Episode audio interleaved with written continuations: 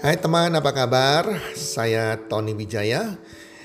Saya mengucapkan selamat datang dan selamat uh, mendengarkan podcast kami.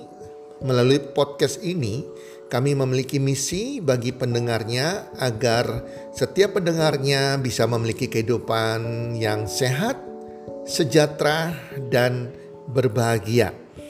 Kami ingin menjadi sebuah cahaya lilin di tengah kegelapan yang bisa memberikan harapan, manfaat, dan solusi bagi setiap pendengarnya.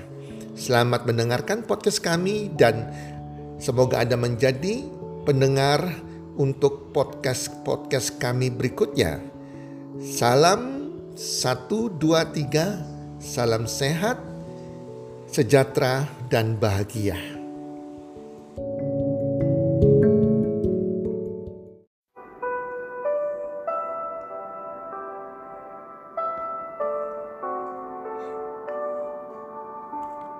Gubernur yang korup. Hai para pendengar podcast di mana pun Anda berada saat ini apa kabar? Harapan dan doa saya semoga Anda semuanya makin berbahagia bersama keluarga, sehat walafiat bersama keluarga dan pastinya makin bertambah bertambah bertambah rezekinya dan bertambah kesuksesan Anda dari hari ke hari, bulan ke bulan.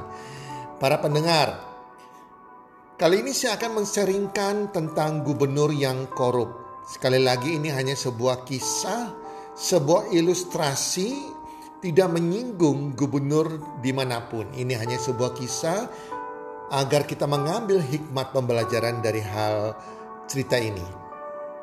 Di suatu kota ada seorang gubernur yang baru saja diangkat. Pengangkatannya disertai sumpah jabatan yang kusyuk dan doa agar masa pemerintahnya berhasil. Berbagai kalangan dari berbagai latar belakang memberikan ucapan selamat kepada gubernur baru tersebut. Selama beberapa hari koran-koran dan berita memuat dirinya yang terpilih menjadi gubernur di kota tersebut. Ia begitu senang dan selama masa kampanyenya ia berjanji untuk tidak korupsi Inilah yang membuat banyak penduduk di kota tersebut mau memilih dirinya karena anti korupsi. Waktu terus berjalan dan setelah berbulan-bulan menjadi gubernur, suatu hari datanglah seorang pebisnis kaya di kota tersebut ke rumah sang gubernur. Singkat kata, singkat ceritanya, pebisnis ini menyodorkan sebuah tas berisi berpuluh-puluh gepok uang dan tertulis angka 3 miliar rupiah. Dengan enteng sang gubernur bangkit dan menolak pemberian tas tersebut. Maaf, kata sang gubernur, saya sudah berjanji tidak akan korupsi. Jadi saya tidak bisa menerima uang pemberian Anda ini. Sejenak, si pebisnis tampak sedikit kecewa. Lalu setelah terdiam sejenak ia berkata, Maaf Pak Gubernur, sebenarnya saya mempunyai bisnis otomotif dan saya penjual mobil-mobil mewah. Bagaimana kalau saya menjual mobil Jaguar saya? Atau Ferrari saya seharga satu juta per buah. Apakah Bapak mau? Bapak bisa beli dengan harga hanya satu juta per buah. Para pendengar, jelas harga Jaguar, harga Ferrari itu miliaran belasan miliar teman-teman. Sang gubernur kemudian terdiam dan berkata dengan semangat, Oh kalau begitu sih saya mau membeli tiga mobil Jaguar Anda. Demikianlah. Kita tahu proses korupsi dimulai ketika sang gubernur membeli mobil Jaguar seharga satu juta. Bayangkan mobil Jaguar seharga satu juta rupiah.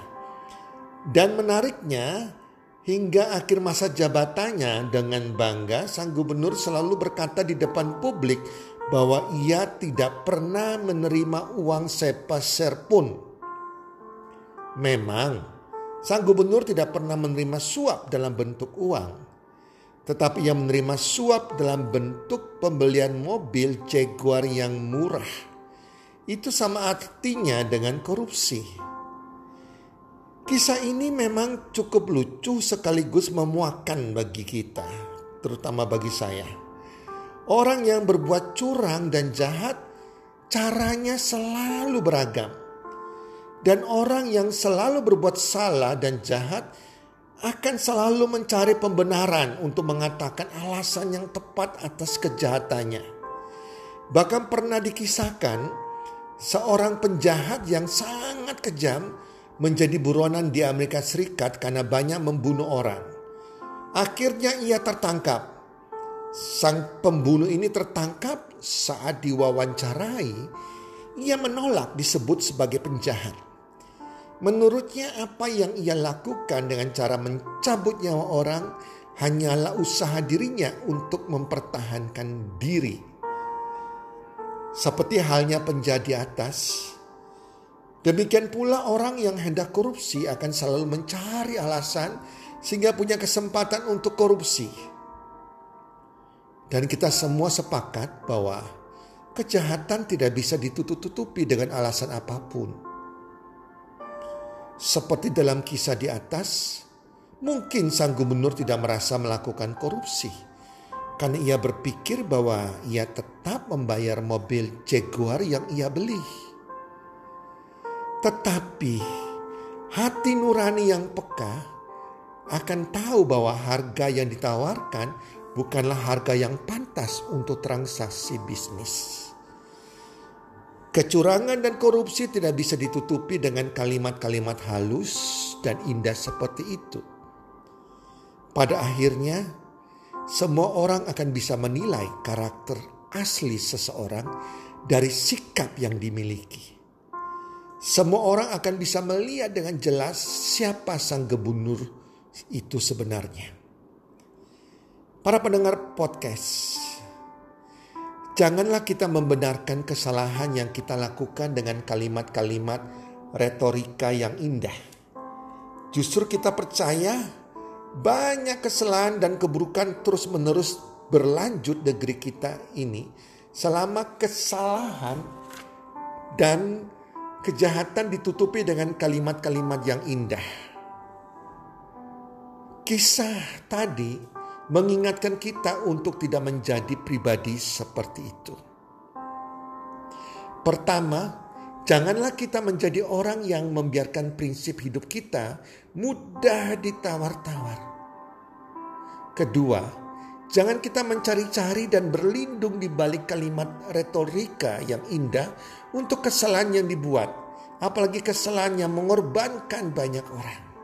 Para pendengar podcast, Mari kita belajar untuk menjadi pribadi yang tidak suam-suam kuku. Itulah pelajaran integritas diri yang sesungguhnya. Kalau putih, kita katakan putih. Kalau hitam, katakanlah itu hitam. Janganlah kita sebagai orang yang abu-abu. Janganlah kita membenarkan kesalahan apa pun alasannya. Para pendengar podcast, semoga apa yang saya bagikan kali ini bisa bermanfaat bagi Anda semua dan salam sukses one two three.